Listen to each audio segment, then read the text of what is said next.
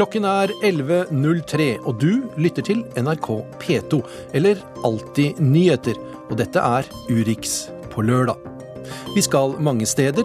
Jan Espen Kruse rapporterer om Panama-papirene slik de blir sett i et fiskevær på Island. De forundrer seg litt over hva lederne, de politiske lederne og regjeringen klarer å stelle i stand av eh, bråk og politisk skandale. Joar Ho Larsen om presidentvalget i Peru i morgen, der datteren til en beryktet president ser ut til å vinne. Fujimori var den første i historien som styrtet seg selv, avsatte sin egen regjering, oppløste nasjonalforsamlingen, og så gjeninnsatte seg selv med alle autoritære fullmakter. Kristin Solberg har sett, hørt og følt sorgen i de kurdiske områdene i Tyrkia. Hun ligger utenfor huset ditt. Du kan høre skrikene hennes, men du kan ikke gjøre noen ting. Sissel Wold rapporterer om saken som nå splitter både folk og regjering i Israel.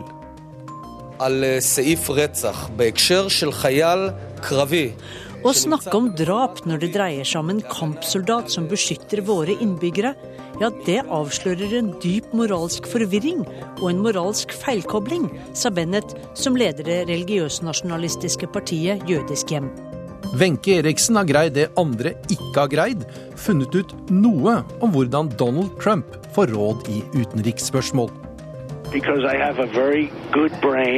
Jeg snakker først og fremst med meg selv fordi jeg har en skarp hjerne, svarte Trump da TV-kanalen MSNBC spurte hvem han rådførte seg med i viktige internasjonale spørsmål.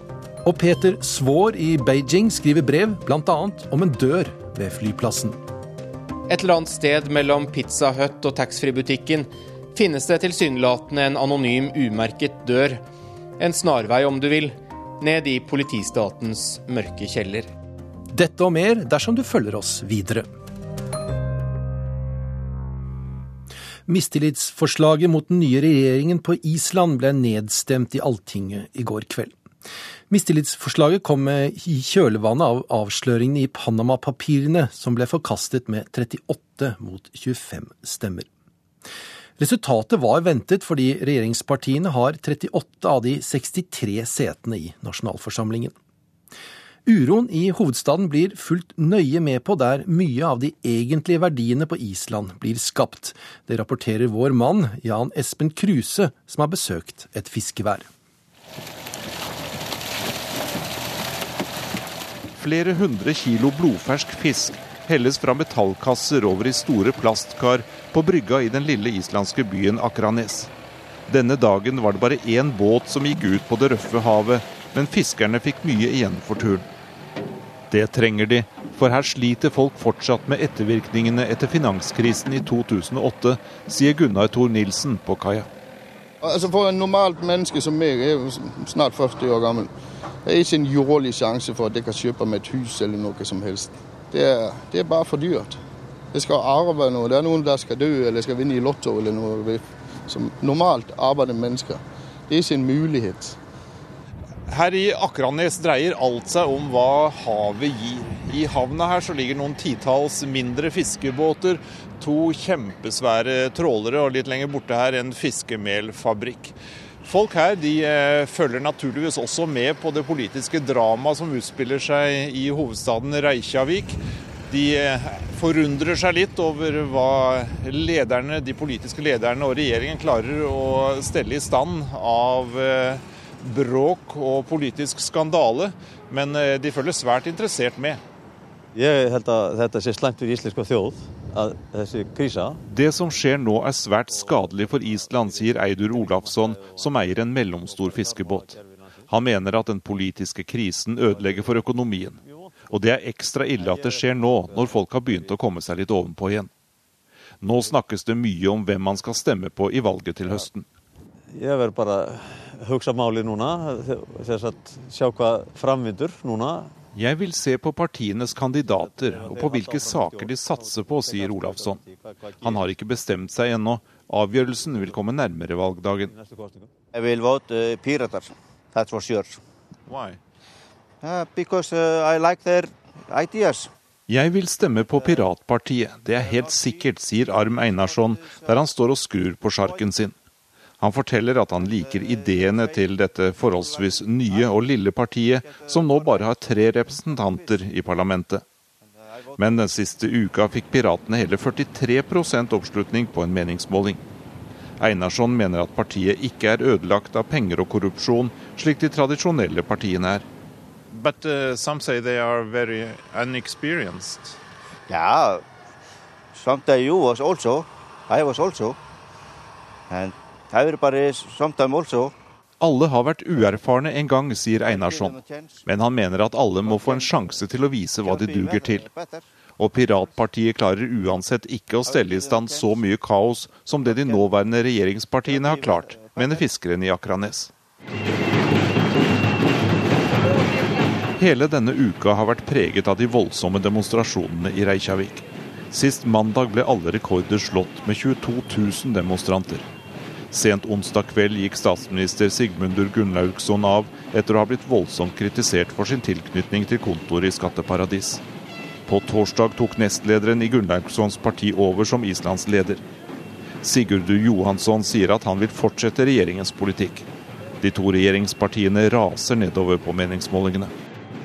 Ever since the spectacular collapse of the Icelandic banks in 2008, there has been a total uh, loss of trust in the political system.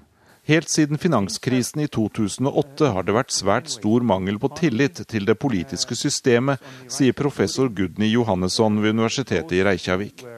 Han mener at dette fortsetter selv om økonomien har blitt bedre. Forandringer og forbedringer har vi sett lite av innen den politiske kulturen, sier professoren. Han understreker at piratpartiet tjener på denne situasjonen. Whether that transforms into a huge electoral success remains to be seen. It is one thing to be a revolutionary in opposition, and quite another to actually be in government. Piratpartiet gjør det godt i meningsmålingene nå, men vi vet ikke hvor godt det vil gjøre det i valget, sier Johannesson. Han påpeker at historien viser at revolusjonære bevegelser i et parlament ofte faller sammen pga. indre stridigheter. Det er lettere å være revolusjonær når man sitter i opposisjon, enn når man sitter med stort ansvar, sier professor Gudny Johannesson ved Universitetet i Reykjavik.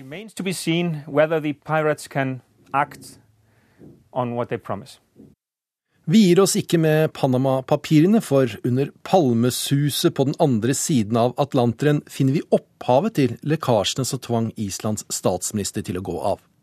Der, i Panama, har advokatfirmaet Mossack Fonseca altså sitt hovedkontor, og lekkasjene fra Panama-papirene vil nok fortsette å strømme ut. Kollega Tove Bjørgaas har besøkt skatteparadiset lengst sør i Mellom-Amerika. So these buildings over here are apartment buildings? Yes, apartment. The president lives in what, that one to the right. You see those two in the front? Yeah. Yes, right. He lives there? He lives there, yes. Wow. In, in that tall one? Wow. Der bor president Varela, sier Lourdes Quijado og peker på en høy, hvit skyskraper. Hun og mannen David Young har tatt meg med på kjøretur rundt i byen sin. De driver den engelskspråklige avisen Newsroom Panama i Panama by, og har hatt nok å skrive om de siste dagene.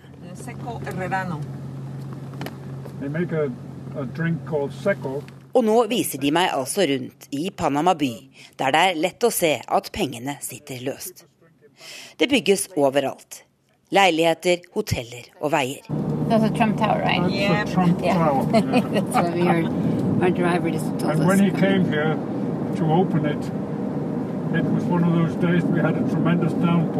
Der borte er Trump Tower, forteller David. Det er lenge siden det åpnet. Det er ikke Donald Trumps penger som er viktigst i økonomien i dette lille mellomamerikanske landet, for her finnes så mange slags penger. Amerikanske diktatorpenger fra Midtøsten, narkopenger fra nabolaget Colombia. 170 ulike banker har kontorer her, og flere firmaer som tilrettelegger for dem som vil åpne skallselskaper. Slike som advokatene og rådgiverne i Mossack Fonseca har hjulpet mange av verdens rikeste og mektigste med å åpne. I den vakre gamle byen selges nå leiligheter i nyoppussede bygårder for mange millioner kroner. Men bare noen kvartaler unna er det fortsatt slum. No, no, hablar con nosotros?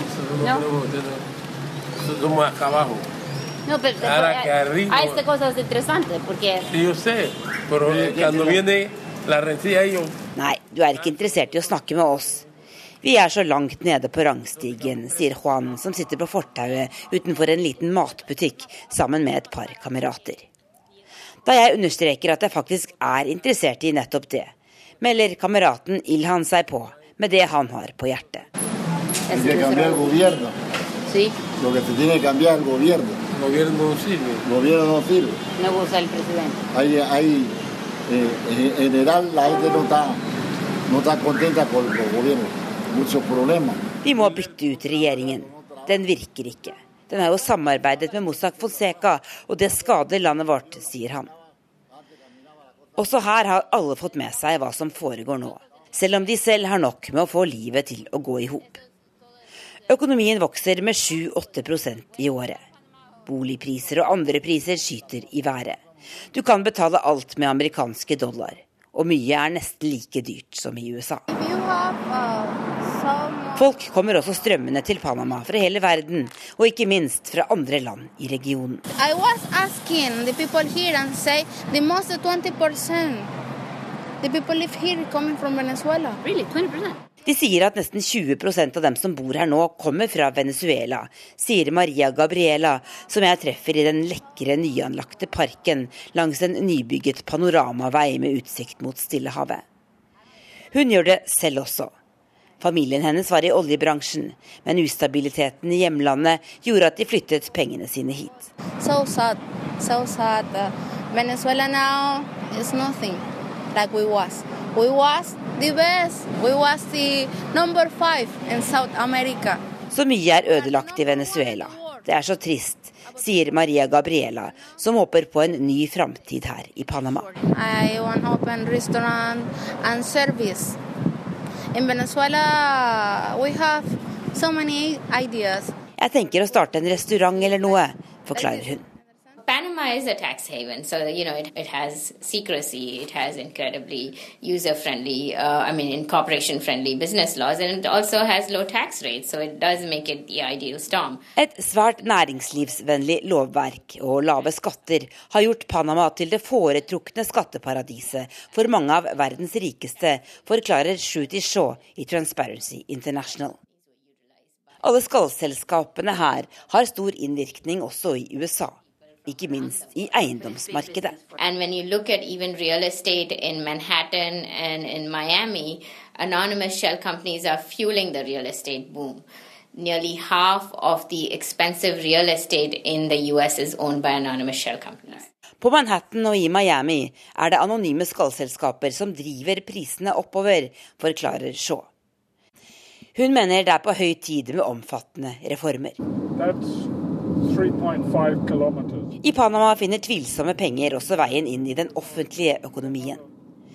Journalist David Young kjører meg nedover panoramaveien Sinta Costiera, bygget av Odebrecht, Latin-Amerikas største entreprenørselskap, som nå står midt oppe i en enorm korrupsjonsskandale, og som også dukker opp i lekkasjene fra Mossack Fonseca.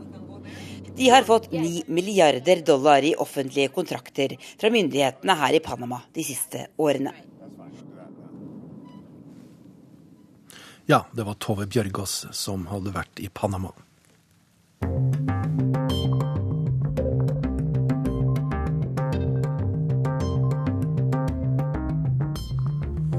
Du hører på Urix på lørdag. Nå til Israel. Videoen som viser hvordan en israelsk soldat regelrett henretter en såret palestiner som ligger på bakken, har rystet mange. Også innad i Israel har videoen fra Hebron satt i gang en opphetet debatt mellom dem som mener at soldaten er en helt, og den som mener at han er en drapsmann. Uenigheten går helt inn i regjeringen mellom forsvarsministeren og statsministeren. Offeret led av flere skuddsår etter kuler som hadde gått inn og ut i nedre del av kroppen over brystet, forteller doktor Rayan al-Ali. Mandag la han frem obduksjonsrapporten til palestinske Abdel Fattah al-Sharif, som ble 21 år. Hans dødsøyeblikk 24.3 kan sees av hvem som helst på nettet. På videoen ser vi en israelsk ambulanse komme for å hente en såret soldat. Soldaten var angrepet av Sharif og en annen palestiner, som begge ble skutt av andre israelske soldater. Nå ligger de to palestinerne på bakken, den ene død, den andre såret. Mens ambulansepersonalet tar hånd om israeleren, går en av de mange soldatene på stedet rolig frem og skyter den 21 år gamle Sharif i hodet. Mens blodet hans renner nedover gaten, fortsetter alt som før. Ingen av soldatene eller bosetterne bryr seg. Ingen er opphisset. Skuddet mot hodet ødela hjernen hans. Det er dødsårsaken, konkluderte doktor Rayan al-Ali. Det er slett ikke uvanlig at en palestiner blir drept på stedet etter å ha angrepet israelske soldater eller sivile. Siden oktober har den israelske hæren, IDF, drept 190 palestinere. Av dem mener israelske myndigheter at 128 var angripere, etter deres syn terrorister. Palestinere har drept 28 israelere i den samme perioden. Videoen har trigget en voldsom debatt innad i Israel. What is disturbing very much is to see how normal it is for all the soldiers and the settlers around him det som er skremmende, er å se hvor normalt dette er for soldatene og bosetterne på stedet, sier Yehuda Shaul, leder for Breaking the Silence, organisasjonen av tidligere IDF-soldater som forteller israelerne om hva som egentlig foregår i hærens navn ute i de okkuperte områdene. He lies there wounded, not being treated. A soldier shoots him in the head 11 minutes after he's neutralized, and people just continue to walk around there as if nothing happened, as there is no problem. And I think that teaches us a lot. Han ligger såret, men får ingen behandling. Han skytes i hodet, men ingen bryr seg. Det sier mye om hvilke holdninger som gjelder nå, sier Shaul til NRK. Han tjenestegjorde selv i Hebron, byen der noen av de mest militante bosetterne har bosatt seg midt i palestinske nabolag. Først ble soldaten anklaget for drap. Men store protester førte til at militæradvokaten måtte frafalle anklagen mot soldaten, som bare går under navnet sersjant E. Nå er det uklart hvilken straff han får, om han får noen straff i det hele tatt. For mens ledelsen i Forsvaret først mente at soldaten gikk langt over streken, hyllet andre ham som en helt, blant dem utdanningsminister Naftali Bennett.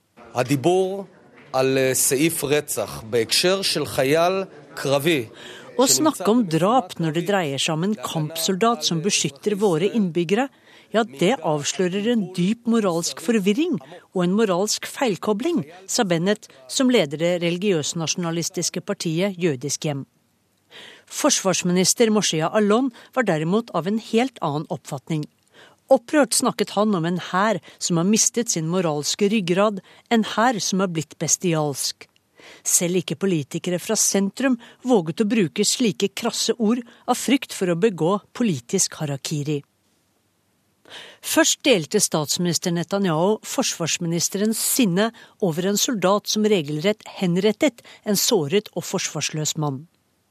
Men av redsel for å miste oppslutning til høyre for sitt eget parti Likud, snudde han kappen.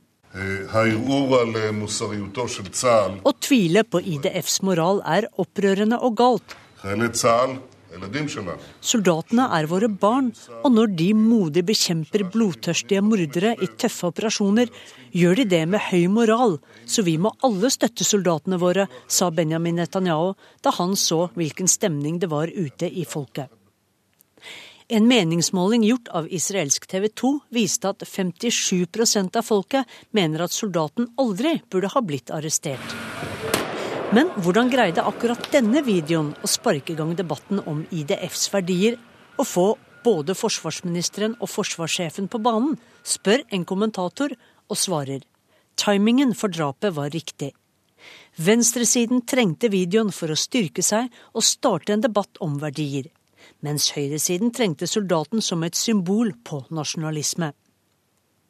Israels mest kritiske penn Gidon Levi mener at Israel er et land som har mistet sitt moralske kompass, og som ikke har noen vilje til å finne det igjen. Før drapet hadde sersjant E også religiøs beskyttelse. For for få uker siden sa Israels sefardiske sjefsrabbiner Rabbi Josef at det er en mitzvah, et religiøst påbud, å drepe palestinere som angriper. Om de vet at de kommer til å dø, så vil de la være å angripe i fremtiden, mener rabbineren.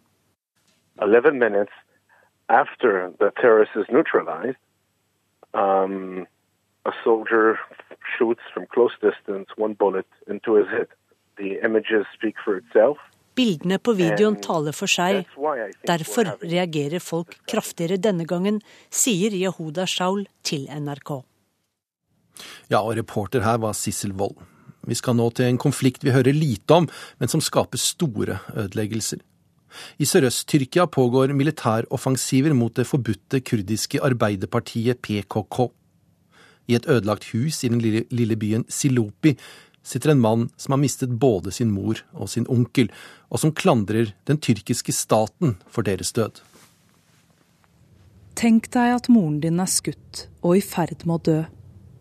Hun ligger utenfor huset ditt, du kan høre skrikene hennes, men du kan ikke gjøre noen ting. Hvis du forsøker å redde henne, risikerer du også å bli drept.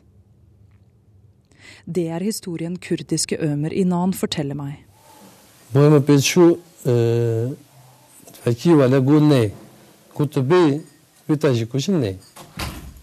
Min far forsøkte å gå ut, men moren min sa ikke kom, du blir også drept hvis du kommer, sier han. Vi sitter i en stue i den eneste beboelige etasjen i et murhus som er delvis ødelagt. Vi er i Silopi, en liten kurdisk by i Sørøst-Tyrkia. Like ved, på den andre siden av Tigriselven, ligger Syria. Der raser kampene, men det har de også gjort her. Den tyrkiske staten har hatt en militæroffensiv mot PKK, det forbudte kurdiske arbeiderpartiet. Minst 250 sivile er blitt drept, ifølge menneskerettighetsorganisasjoner. Ømers mor var en av dem.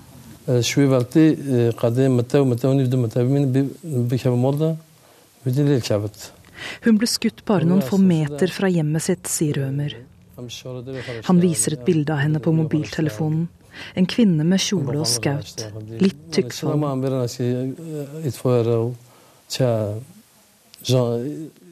Det var portforbud i Silupi da hun gikk ut av døren for å gå til naboen.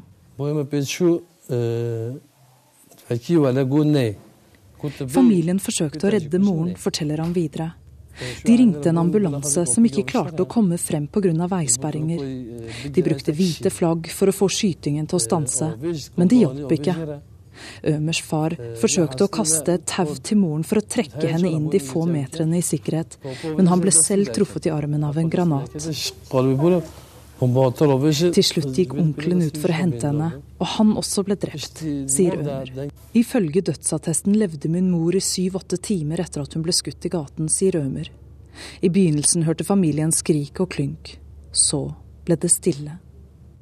Pga. portforbudet tok det åtte dager før de kunne hente liket hennes.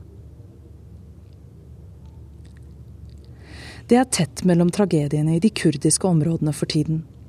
I fjor sommer brøt våpenhvilen mellom PKK og myndighetene sammen. Hæren har utført militæroperasjoner i flere kurdiske byer. Noen er ferdig, andre har nettopp begynt. 350 000 mennesker er blitt drevet på flukt.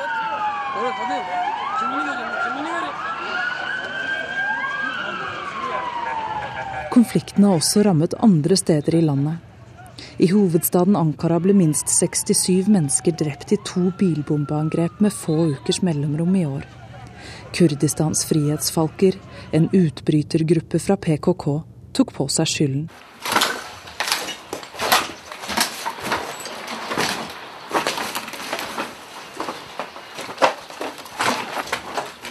Etter møtet med Ømer Inan drar jeg til Jisre, nabobyen til Selopi. Der går jeg i ruinene av hus. Her var det portforbud i 78 døgn mens kampene raste. Nå er nabolag totalt rasert. Husene ser ut som skjelettstrukturer. Blant knuste vegger ligger rester av livene som ble levd her. En eske med krydder, en skolebok, noen i stykkerrevne klær som er falt ut av et ødelagt klesskap. I ruinene av et hjem møter jeg en krokrygget 82-årig kvinne.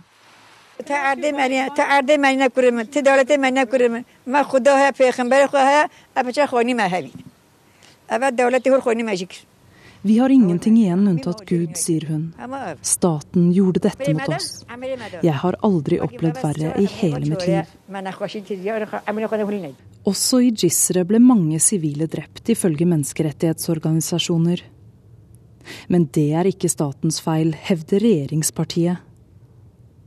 På et kontor i Diyarbakir, den største kurdiske byen i regionen, får jeg snakke med provinslederen for AKP. Mohammed Akhar er den eneste myndighetspersonen som sier ja til mine intervjuforespørsler. Han skylder på PKK.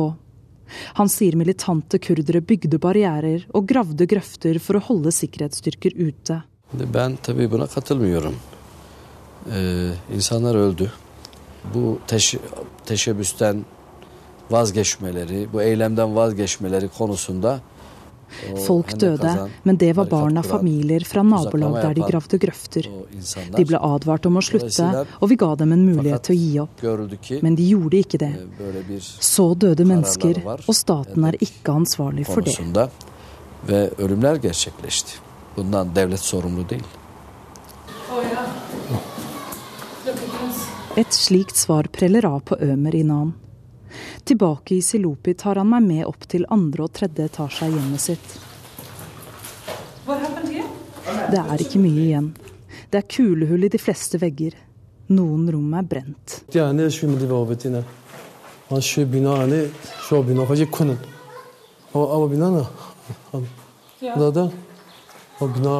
They were shooting from out there. De skjøt fra nabobygningen, sier Ømer Inan og peker på enda flere kulehull. Han klandrer den tyrkiske staten for alt sammen.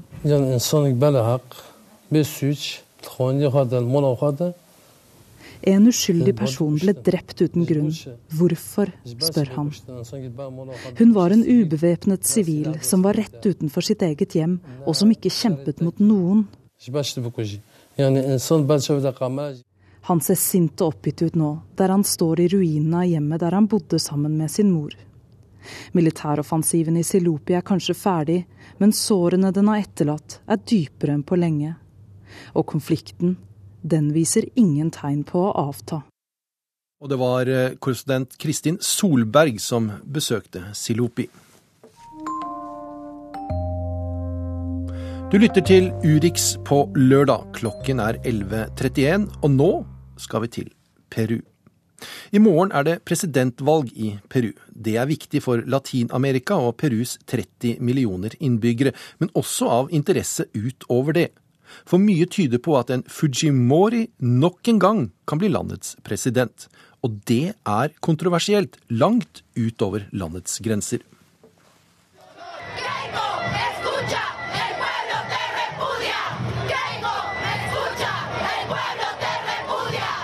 De demonstrerer mot Fujimori. Først og fremst mot den 40 år gamle Keiko Fujimori, som leder på alle meningsmålinger. Dernest mot etternavnet og fortiden. Denne uken var det 24 år siden Keiko Fujimoris far, president Alberto Fujimori, skapte et helt nytt begrep. Autogolpe, som de sier på spansk. Det betyr et selvkupp. Fujimori var den første i historien som styrtet seg selv avsatte sin egen regjering, oppløste nasjonalforsamlingen, og så gjeninnsatte seg selv med alle autoritære fullmakter. Hoy, nunca, el Perú necesita no un parche o una reforma parcial, sino una profunda transformación. Det skal sies, selvkuppet var på alle måter folkerettslig og juridisk uakseptabelt, men ikke nødvendigvis upopulært. Peru var på nesten alle måter på felgen i 1992. Kaos og korrupsjon, narkotikabanditter og generell oppløsning av demokratiske institusjoner. I tillegg kontrollerte terroristgeriljaen Lysende sti store deler av landsbygda, og de militære utviste enorm brutalitet. Ikke nødvendigvis mot Sendero Luminoso, som de kalte seg på spansk, men mot sivilbefolkningen, som ble terrorisert fra to kanter. og som betalte en høy pris med tusenvis av uskyldige drepte. Gisela Ortiz demonstrerte mot Fujimori denne uken, mot både far og datter. Hun mener at det ikke tar seg ut at diktatorens navn nok en gang skal symbolisere og representere Peru.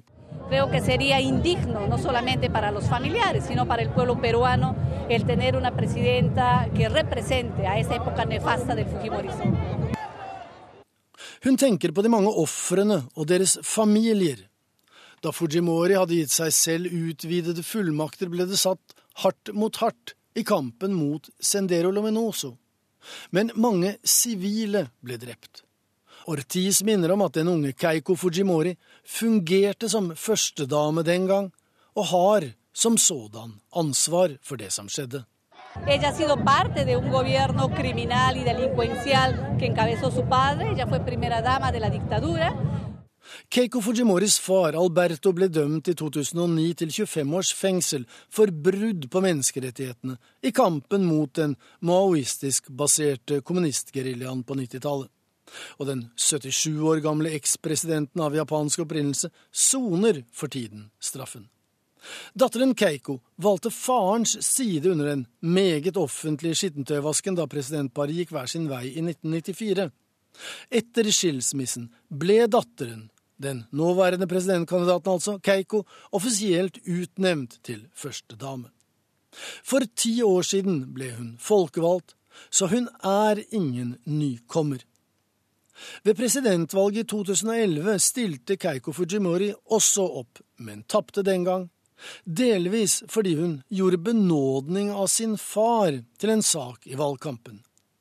Nå har hun avlagt ed på at hun ikke vil bruke sin eventuelle posisjon som president til å bryte menneskerettighetene eller bistå noen i sin egen familie. No utilizaré el poder político para beneficiar a ningún miembro de mi familia.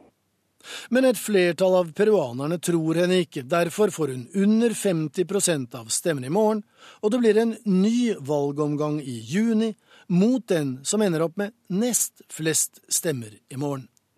Nosotros estamos aquí para construir un gobierno del pueblo, para el pueblo y con el pueblo.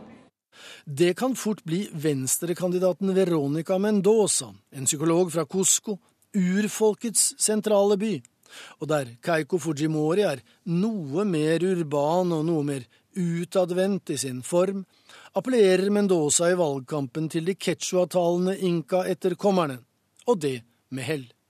Hun har kommet fra ingensteds i meningsmålingene, og ligger nå helt jevnt med han som hele tiden har vært regnet som Keikos hovedutfordrer, den USA-vennlige høyrekandidaten Pedro Pablo Kusinski, med fartstid fra IMF og Verdensbanken, og politisk erfaring som statsminister og finansminister, altså næringslivets kandidat, som det heter.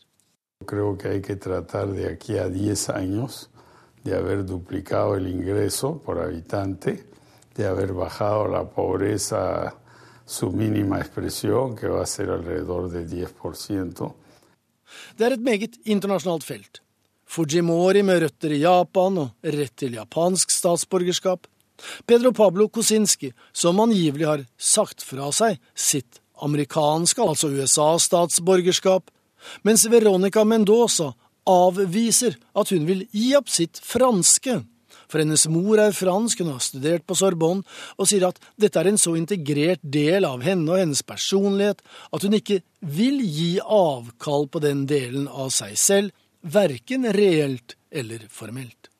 ¿Por qué no a Keiko? Porque simplemente es la corrupción y es la traición. La traición que hizo su padre contra toda la nación del Perú. Valget er en slags folkeavstemning over familien Fujimoris fortid og fremtid. Men det tyder på at Keiko kommer gjennom første runde med familiens ære sånn noenlunde i behold.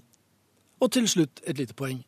Dersom venstresidens Veronica Mendoza blir nummer to i morgen, så vil det bli to kvinnelige kandidater mot hverandre i annen valgomgang i juni. En sjeldenhet internasjonalt, og det vil i så fall også være første gang for Perus vedkommende. Det sa reporter Joar Hoel Larsen. I forbindelse med den arabiske våren i 2011 slapp regimet i Bahrain med skrekken. Styrker fra nabolandet Saudi-Arabia slo ned demokratiopprøret. Denne uken blusset uroen opp igjen, utløst av det mange mener er et politidrap på en 17-åring.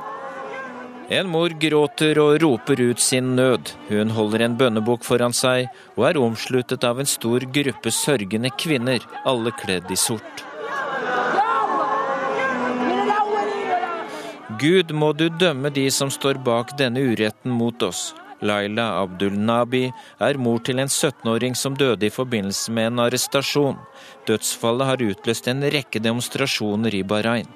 Tusener av innbyggere tror ikke på politiets forklaring om at ungdommen mistet livet da han falt ned fra en bygning under flukt fra politiet. De mener han ble drept av politiet etter at han ble arrestert fordi han hadde deltatt i tidligere demonstrasjoner.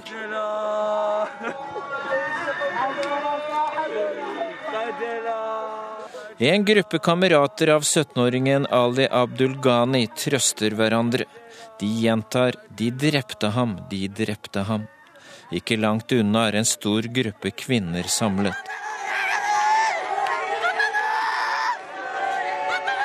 De roper ut det samme budskapet 'de drepte ham'. Med de menes regimet, kongehuset, dynastiet al-Khalifa, som bestemmer alt i Bahrain. Khalifa-familien, trekk dere, roper sinte demonstranter. De retter sin vrede mot kongefamilien. Gravferden i den sjiadominerte landsbyen Sharakan på tirsdag utviklet seg til kraftige demonstrasjoner mot regimet. Nyhetsbyrået Associated Press var til stede. Hundrevis av frammøtte roper slagord. Foran i opptoget ses en kiste dekket med et rødt teppe. Langs kisten henger det fotografier av 17-åringen. Frammøtte bærer plakater med slagord rettet mot myndighetene.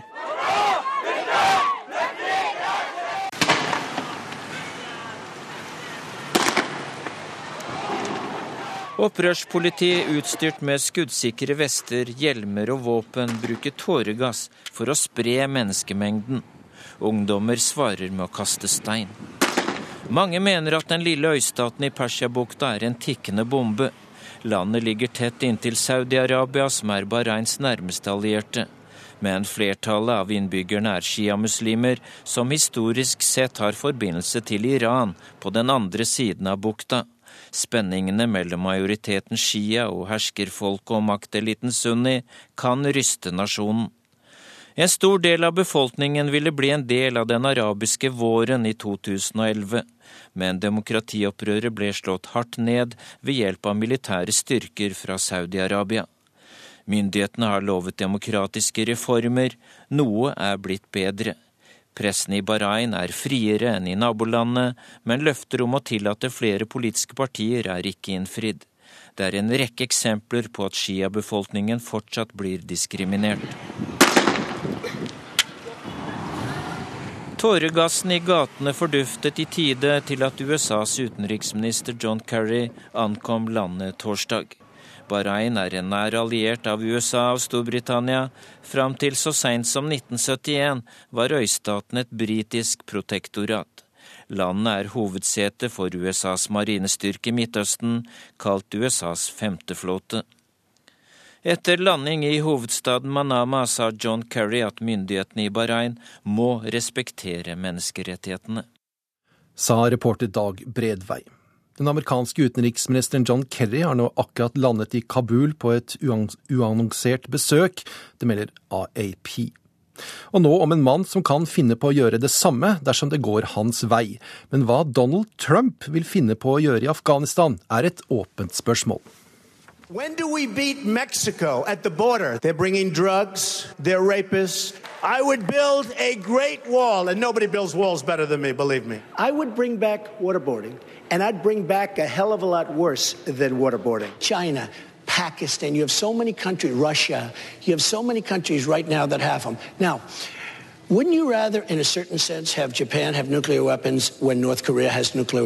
Et have knippe uttalelser fra Donald Trump som gleder mange amerikanere, men som får enda flere i og utenfor USA til å gispe etter luft, riste på hodet og skjelve i buksene. For mange milliardæren helt uten politisk erfaring kan bli verdens mektigste mann.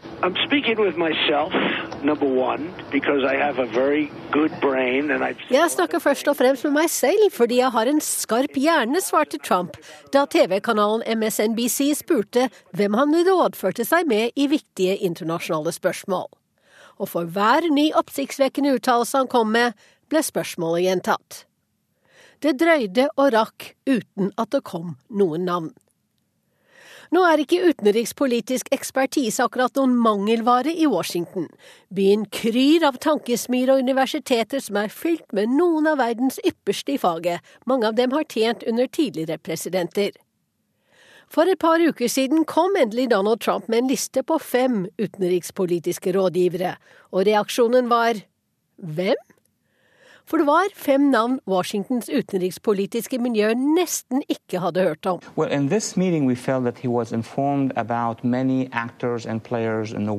Rett skal være rett. Denne mannen vet en del utenrikspolitiske eksperter hvem er.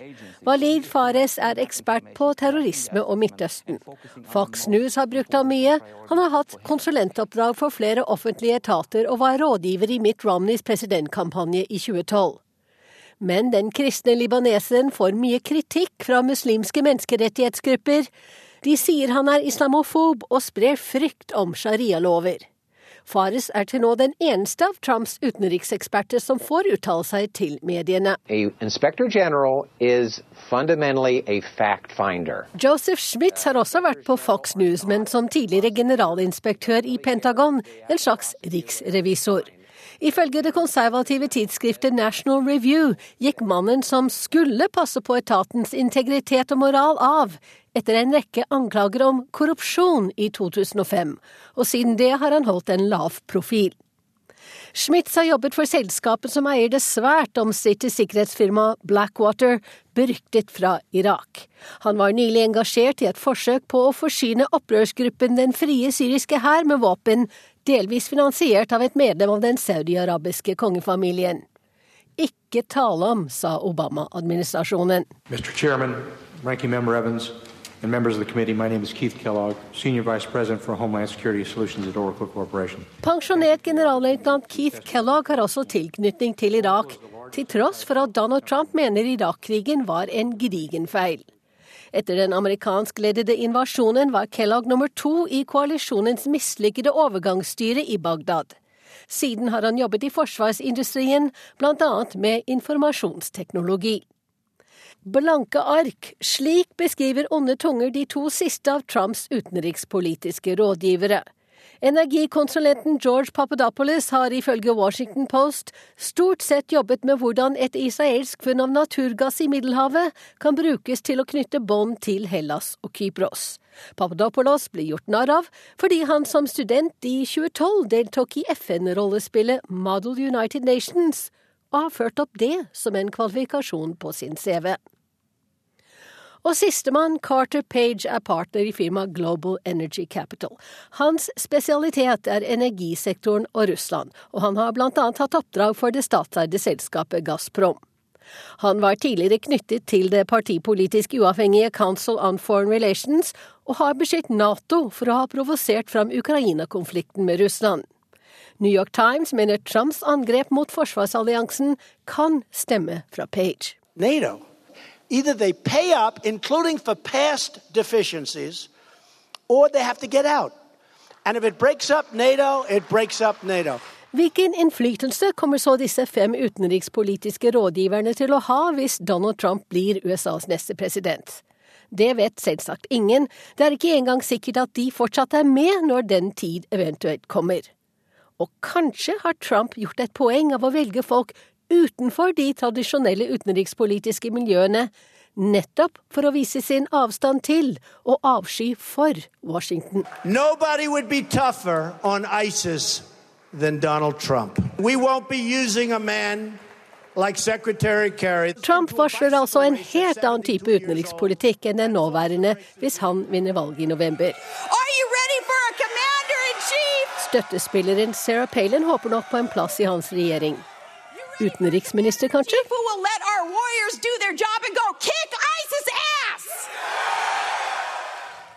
Reporter her var Wenche Eriksen. Så har vi kommet frem til ukens korrespondentbrev. Det er postlagt i Beijing, og korrespondent Peter Svaar forteller blant mye annet om en umerket dør ved flyplassen i hovedstaden. En dør der folk blir ført inn, og så forsvinner. På vei til påskeferie hjemme i Norge for et par uker siden sto jeg nok en gang i den store og moderne avgangshallen på flyplassen her i Beijing. Mellom innsjekkskranker og store lystavler tjakset småbarnsfamilier av gårde med altfor mye bagasje, og lange køer snodde seg av folk på vei hit eller dit. Men hver gang jeg sjekker inn her nå, blir jeg minnet om at dette også er flyplassen hvor folk nå bare forsvinner. I det ene øyeblikket er de på vei gjennom passkontrollen og på vei ut til flyet, og i det neste øyeblikket er de borte, som sunket i et svart hull. Ingen spor avslått mobiltelefon, og ingen vet helt sikkert akkurat hva som har hendt med dem. Et eller annet sted mellom Pizza Hut og taxfree-butikken finnes det tilsynelatende en anonym, umerket dør, en snarvei om du vil, ned i politistatens mørke kjeller. Den siste som forsvant på denne måten, var den kinesiske journalisten Jia Jia for omtrent en måned siden. Den siste som hørte fra 35-åringen, var kona hans. De snakket på telefonen etter at han hadde passert passkontrollen. Alt var normalt, og han sa han regnet med å lande i Hongkong ved ellevetiden den kvelden. Men så langt kom han aldri. Jia Jia var plutselig vekk i en sekk. Hva som egentlig skjedde, er fortsatt uklart, for selv Jias advokat har ikke ønsket å gå i særlige detaljer.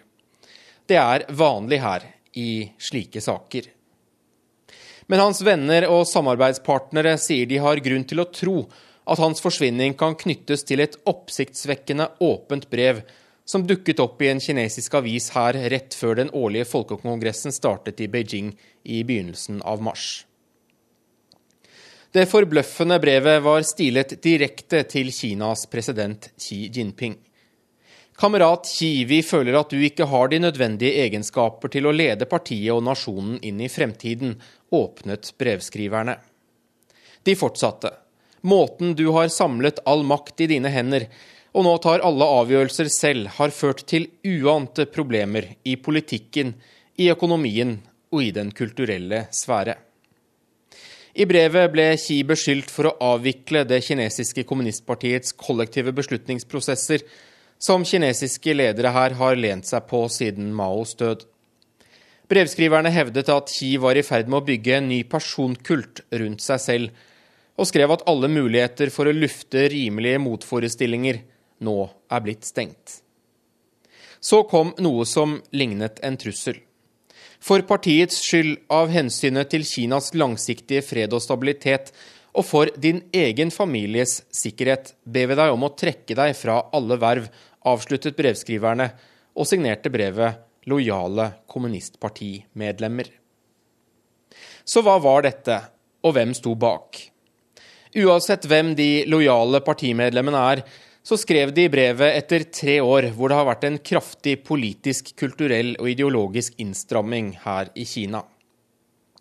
Sivilsamfunn, organisasjonsliv, medier, advokater og kunstnere slås ned på her med stadig hardere hånd, med ordre om å marsjere i partiets takt eller ta konsekvensene. Senest i fjor sommer ble et helt advokatkontor her i byen raidet av myndighetene og stemplet som en kriminell bande. Fortsatt sitter et titalls advokater fengslet. De få opposisjonelle og annerledes tenkende som det var mulig å finne og intervjue her i Beijing for noen år siden, de finnes rett og slett ikke lenger. Enten tør de ikke å snakke, eller så sitter de bak lås og slå. Det er bare noen uker siden president Xi dro på en rundtur til de største kinesiske nyhetsredaksjonene her i Beijing. Med budskap om at Kinas journalister nå må utvise absolutt lojalitet til kommunistpartiet. Mens Xi gikk rundt i nyhetsredaksjonen i hovedkvarteret til kinesisk statlig TV, kunne man lese slagord på en skjermvegg bak i lokalet. Kinesisk fjernsyns etternavn er partiet. Vi er absolutt lojale. Vennligst inspiser oss, sto det på skjermen. Også under en av mine turer til det berømte silkemarkedet her i Beijing forleden, skvatt jeg til. Oppe i fjerde etasje kom jeg over et helt hjørne jeg aldri har sett før. Det var fylt av nøkkelringer, pyntetallerkener og bannere med bilder av Qi Dada, som kineserne liker å kalle ham, og hans kone, sangerinnen Peng Liyuan. Selgeren ville ha 350 yuan for en rød Qi-tallerken, mens jeg fikk prutet den ned til 70. Det kan selvsagt bare være suvenirselgere som vil tjene noen yuan på presidentparets kjendisstatus, men den eneste andre kinesiske lederen jeg noensinne har sett avbildet på suvenirer her i Beijing, det er Mao. Nå i år har partipressen her i Kina også begynt å omtale Xi som en kjerneleder. Det er et kinesisk maktuttrykk som det nå er børstet støv av etter at det ikke har vært i bruk siden Deng Xiaopings dager. Det er altså en stadig mer sentralisert og mer hardhendt ledelse av Kina som er bakteppet for den anonyme kritikken som ingen her fortsatt vet hvem som står bak. Men brevet var så krast formulert at mange, i hvert fall i starten, ikke tok brevskriverne særlig alvorlig. Bak en signatur som lojale partimedlemmer kunne det jo skjule seg hva som helst. Flere regnet faktisk med at avisen Wujie var utsatt for et slags dataangrep, og at det hele kunne være en spøk. Men så, for noen uker siden, startet sikkerhetspolitiet sin klappjakt på brevskriverne. De ansatte i avisen som trykket brevet, Woojie, var de første som fikk besøk. Minst 16 mennesker knyttet til avisen skal nå være innbrakt. Både avisens journalister og ansatte i dataavdelingen har forsvunnet, ifølge en anonym ansatt som tok telefonen da BBC ringte til avisredaksjonen for en drøy uke siden. Hele avisens fremtid virker nå usikker. Journalisten Jia nekter ifølge sin advokat å ha hatt noe med brevet å gjøre, annet enn at han har ringt til venner i redaksjonen og advart dem mot følgene av å publisere. Men jakten på brevskriverne har nå også spredt seg utenfor Kinas grenser.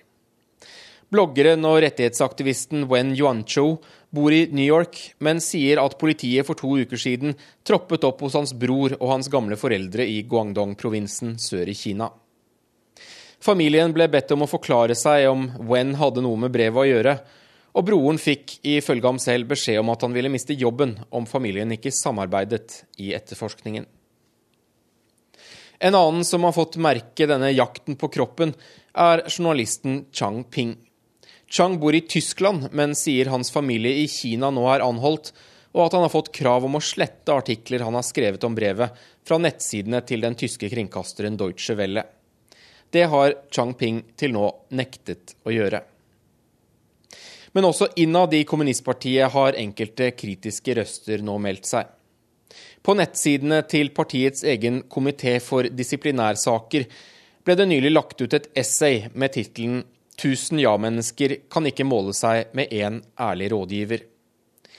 Artikkelen tar nærmest form av en slags fabel, og trekker linjene tilbake hundrevis av år i tid i Kinas historie. Meningsinnholdet er likevel aktuelt nok. Å kunne drøfte meninger fritt og å kunne akseptere andres forslag til løsninger kan avgjøre om et imperie står eller faller, konkluderer artikkelen, som er skrevet av noen av partiets mest lojale medarbeidere, nemlig de som har i oppgave å drive den prestisjetunge antikorrupsjonskampanjen fremover. Det er i det hele tatt en usikker tid her i Kina nå. Økonomien har ikke gått dårligere på 25 år, og millioner av kinesiske arbeidere står i fare for å miste jobbene sine de neste årene. Gruve- og stålarbeidere som ikke får lønn fra statseide gruver og stålverk, protesterer i gatene både i Nord- og Sør-Kina.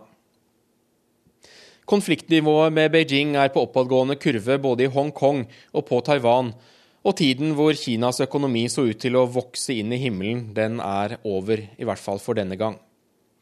Midt i dette hylles og dyrkes ledelsen her på en måte som kan gi assosiasjoner til 60- og 70-tallet, samtidig som et anonymt brev starter en klappjakt på avsenderne på tre kontinenter. Jia Jia ble løslatt for noen dager siden. Ifølge advokaten hans passer det dårlig nå å forklare hvorfor han ble arrestert, eller for den saks skyld hvorfor han siden ble løslatt. Han nøyde seg med å si at Jia hadde fortalt at han ikke sto bak noe brev. Selv skal jeg ut og reise fra Beijings flyplass igjen i morgen. Den flyplassen hvor folk bare forsvinner nå, gjennom en umerket dør et eller annet sted, uten et spor. Urix på lørdag er over for denne gang, men P2 og Alltid nyheter fortsetter. Teknisk ansvarlig Stein Nybakk. I studio Halvard Sandberg.